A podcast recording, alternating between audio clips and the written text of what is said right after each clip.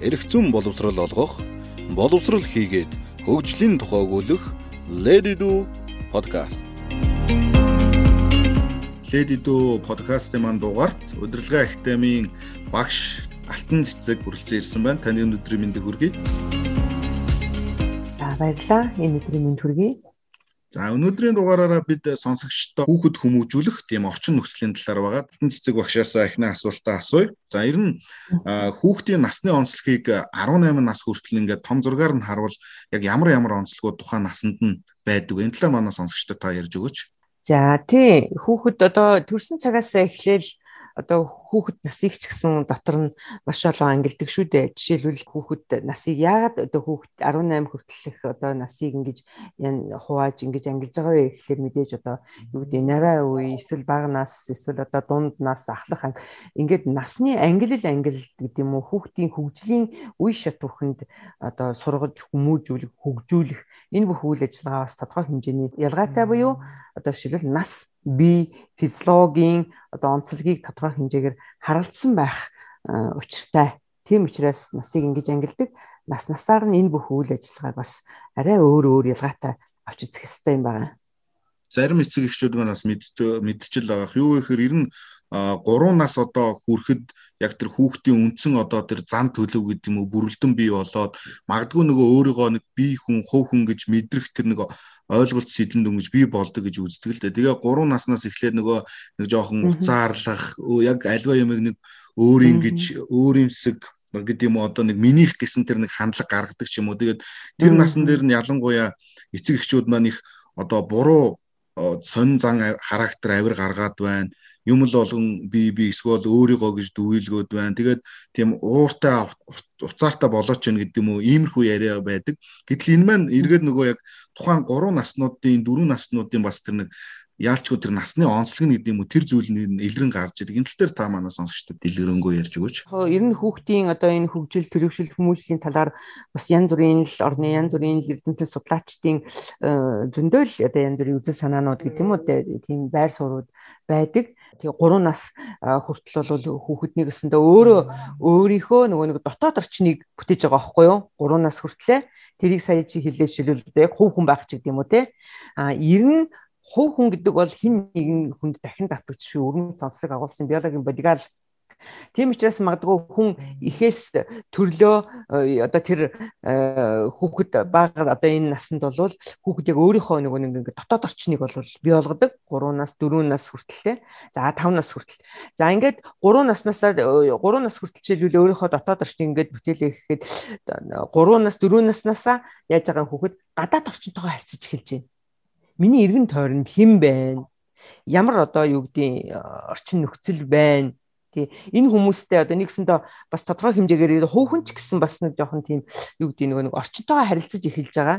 Тийм учраас магадгүй ингээл оо би жишээлбэл айлын одоо ганц хүүхэд байгаа айлын ганц ганц хүүхэдтэй айлаа гэхэд жишээлбэл ингээл одоо энэ тоглоом ч гэдэг юм уу энэ одоо энэ аяг шанга энэ бүх юм одоо нэг минийх би ганцаараа энэ бүх юм миний эзэмшлих ч гэдэг юм уу те Ингээд нөгөө нэг хүүхдэд нэгсэндээ өөрийнхөө дотоод орчныг бий болгочхоод 3 наснаас эхлээд ухамсартайгаар нэгсэндээ гадаад орчинтойгоо ингээд харилцаж нэгсэндээ гадаад дотоод орчны нэг юм нийлмэл зүйлийг бүтээж эхэлж байна.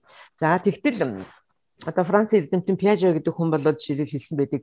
Хүүхдийн одоо ирээдүйд хэн байх нь бол ерөөсөө л хүүхдийг 5 нас, 6 нас, 5 нас, 6 настайд бол одоо бүрэн юу яадаг, бүрдэж бий болдог.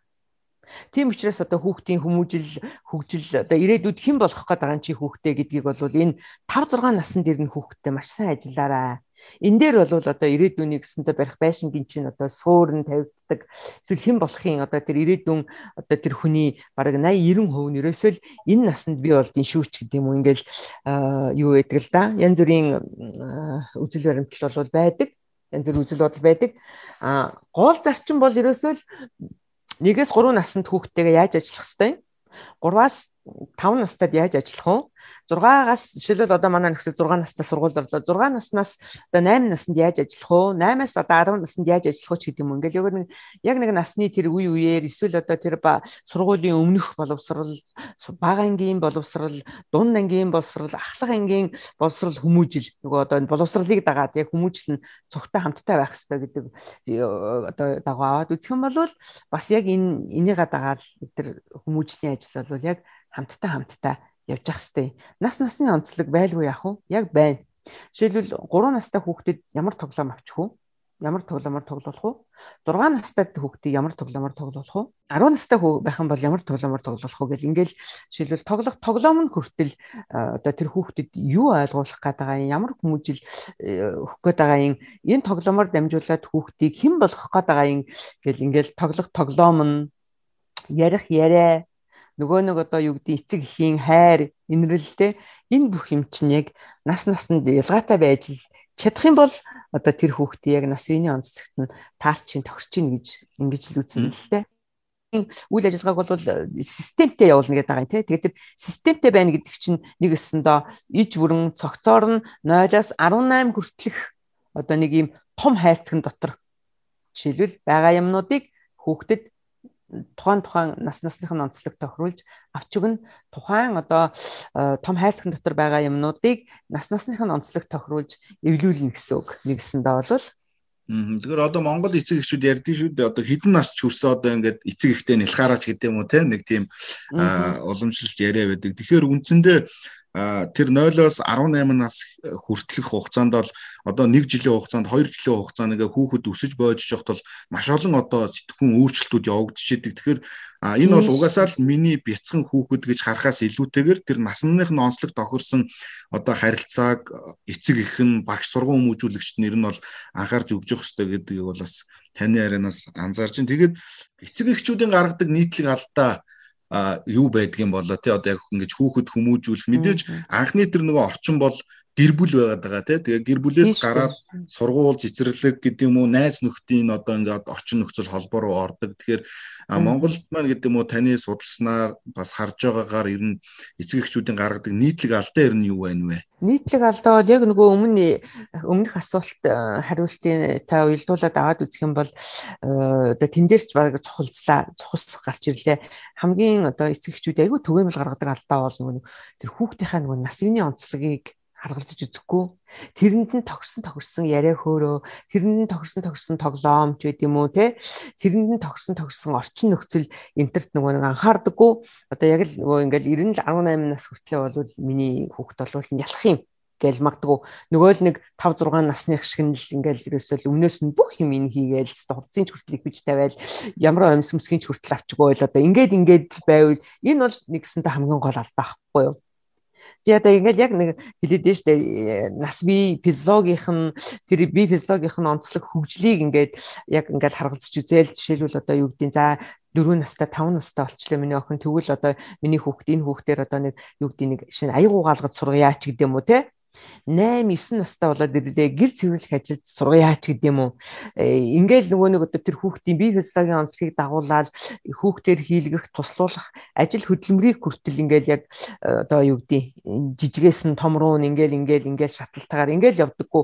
Ерөөсөө л өстөө ингээл магадгүй ингээл насан туршид л туршид нь нэг баг нас шиг нь ялах үе үеих шиг нь бөөцөлөөд ингээд ах нэг юм түгээмэл алдаа бол байдаг За хоёрдугаарх э, бас нэг энтэй уялдуулаад одоо алдаа гэх юм уу? Нэг хийх ёстой зүйл бол тэр хүүхдийнхаа наад зах нь бие физиологийн онцлогийг анзаараад ингэж аажмаар тэр онцлогт нь тулгуурлж дасан зохицуулж системтэйгээр аажмаар алгуураар ингэж хийхгүй. Магадгүй ингээл хэсэг байж байгаа л чимээгүй явж явж байгаа л гинт санаа түүш эн чинь нэрэ болохоо байж байгаа юм биш өсвөр нас сурж байгаа юм биш тэгээд гинт нэх анхаарад эхлэх ч юм уу энэ төр нэг ийм байдаг. Тийм ч бас нэгсэндээ эцэг эхчүүдийн хүүхдийг хөгжүүлэх сургах э, үйл ажиллагаанд гарч ирдэг нэг хоёр дахь алдаа бол ийм үйл ажиллагааг тасралтгүй тий би физиологийн онцлог тохируулаад явуулж явах ёстой шүү За тэгээ гурав дахь нэг онцлог бол бас одоо орчин үед чинь э, юу айлуудын нөгөө хүүхдийн тоо цөөрцөн тий Тэгэл нэг юм уу нэг хоёр хон хүүхэдтэй тийм болохоор нөгөө нэг энэ хүүхдүүдээ бас хитрхи хангалуун өсөх гээд гэдэг юм уу? Эсвэл хитрхи бөөцөлөд ганцхан юм чи хоёрхан юм чинь гэж өстө зүгээр ингээл юу гэдэг суужа суужа зүгээр зүгээр гээл ээ чин хичээ гээл ингээл нөгөө аяг маяг угаалгаж сурахын оронд чинь ингээл ингээл те баг орын засч өгөөл баг өстө босгож хувцсыг өмсүүлэх шахаал те одоо 10 та 11 тэ хүүхэд мөхтийг ч гэдэг юм уу? Ийм байдлаар бас хүүхдийг хит нялхруулах Тий. Бас нэг ийм бай, ийм алдаа сүүлийн үед гарч ирж байна. Энэ нь бол бас хэдийгээр яг цаг үеийн нөхцөл байдалтай тэр гэр бүл төлөвлөлттэй тэр хүүхдийн тоотой энэ төр холбоотой ч гэсэн. Тийм учраас ер нь монголчууд бол нэг хилдэг дээ уламжилтай. А хайран дотроо хална гаднаа гэж. Тэгвэл хүүхдэд юу гэдэг тийм хатуурхах энэ төр биш л дээ.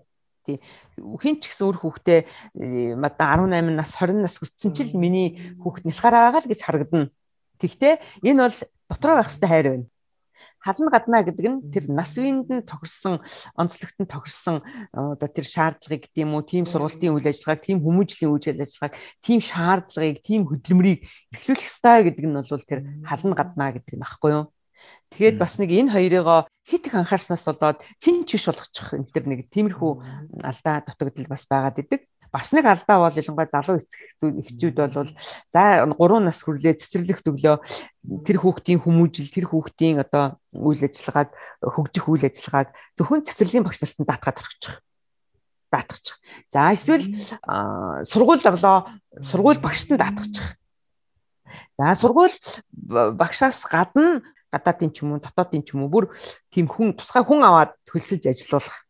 Ингээ эн чинь нэг өсөндөө яа да өөрийнхөө өөрөө өөрийнхөө хүүхдийг хүмүүжүүлэх ёстой шүү дээ.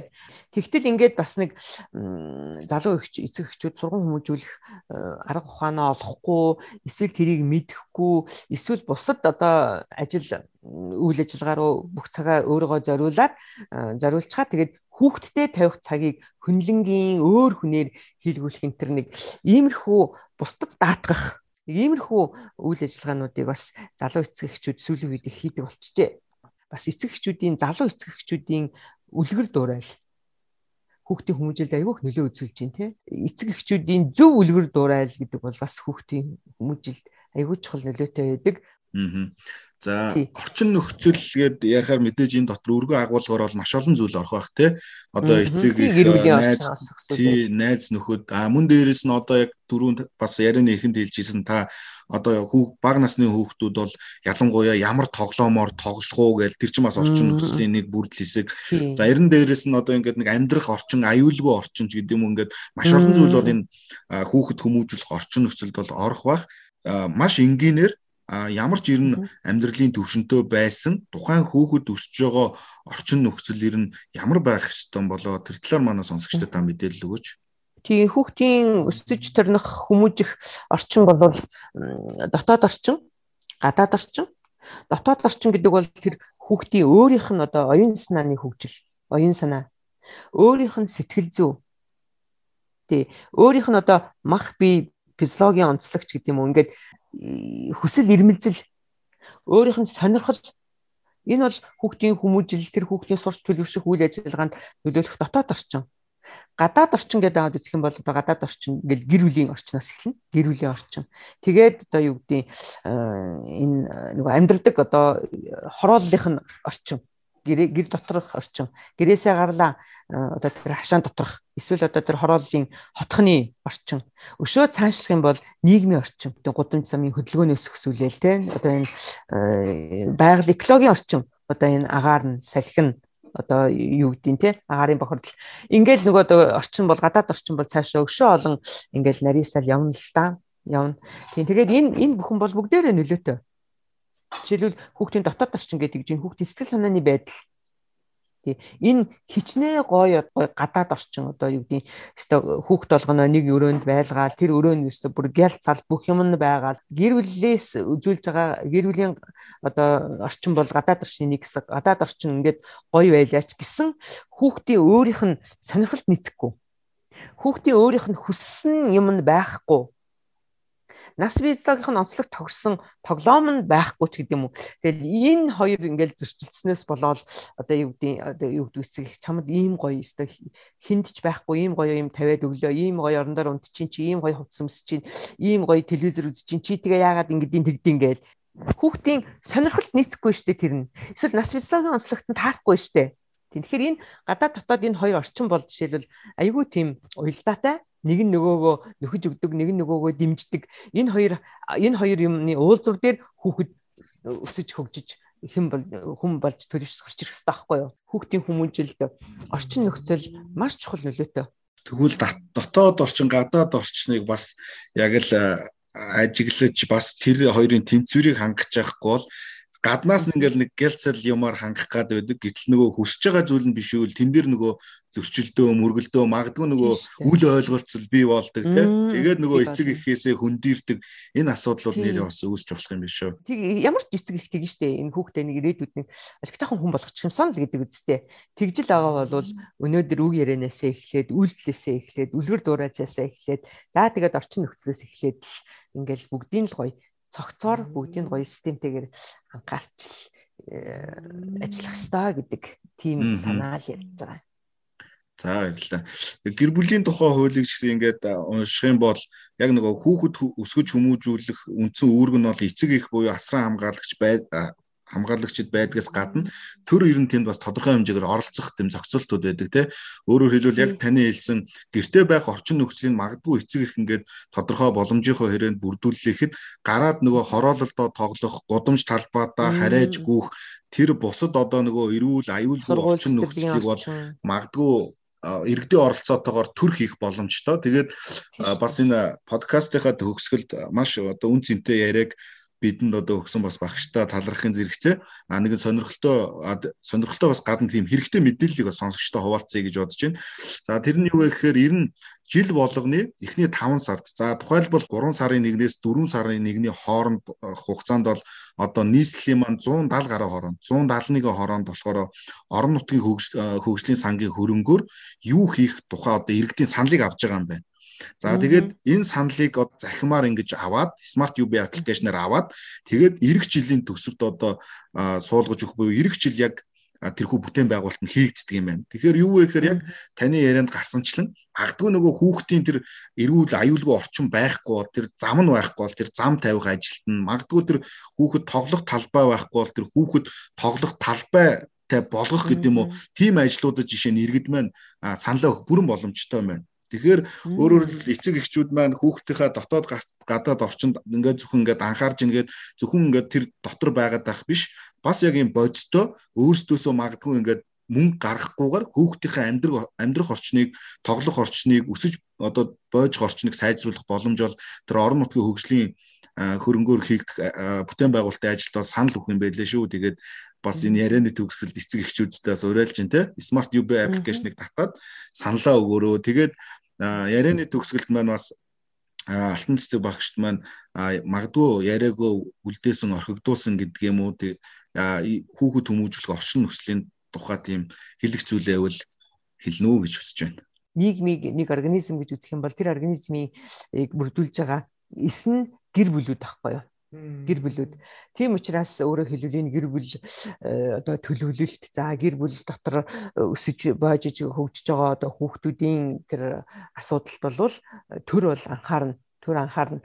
А төрөөс гадна энэ бол сая хөтлөгчийн хэлдэг нөгөө одоо хэлж байгаа өгч байгаа мессеж юу одоо урааж байгаа зүйл бол маш зөв. Тийм ийм одоо нэгсэнтэй төрийн үйл ажиллагаанд иргэд оролцох хэрэгтэй иргэдийн оролцоотойгоор тий Тэгэл энэ иргэдийн одоо оролцоотойгоор эцэг эхчүүдийн одоо оролцоотойгоор хүүхдэд тийм сайхан аюулгүй ээлтэй ийм орчныг хаасаагүй бий болгох ийм боломж бол байгаа тий. Энэ нь харцангуй бас сүүлийн жилүүдэд энэ талаар нэлээд үйл ажиллагаа хийж байгаа шүү дээ. Хотхон хороолол болгон дотроо э, одоо бас хүүхдийнхээ орчин нөхцөлийг ийм ийм гоё болгочих юм бол Улаанбаатар тэр чигээрээ тийм болно. Хот ийм болчих юм бол бүх аймгийн төвүүд тийм болно. Бүх аймаг тийм болчих юм бол улс орон бүгдээрээ ингээл гоё орчин болчлоо болгоч штэ тий. Оролцох хийхэд бол эцэг эхчүүд бас их хариуцлагатай тий. Төрийн үйл хэрэгт хариуцлагатай оролцмаар байгаа юм. Сайхан уриалга байна. За үнтэй цагаа бид бүхэн зориулж манай сонсогчдод мэдээ мэдээлэл зөвлөгөө өгсөн танд баярлалаа. Ингээд энэ удаагийн дугаар маань өндөрлөж байна. Танд амжилт хүсье багшаа. Баярлалаа.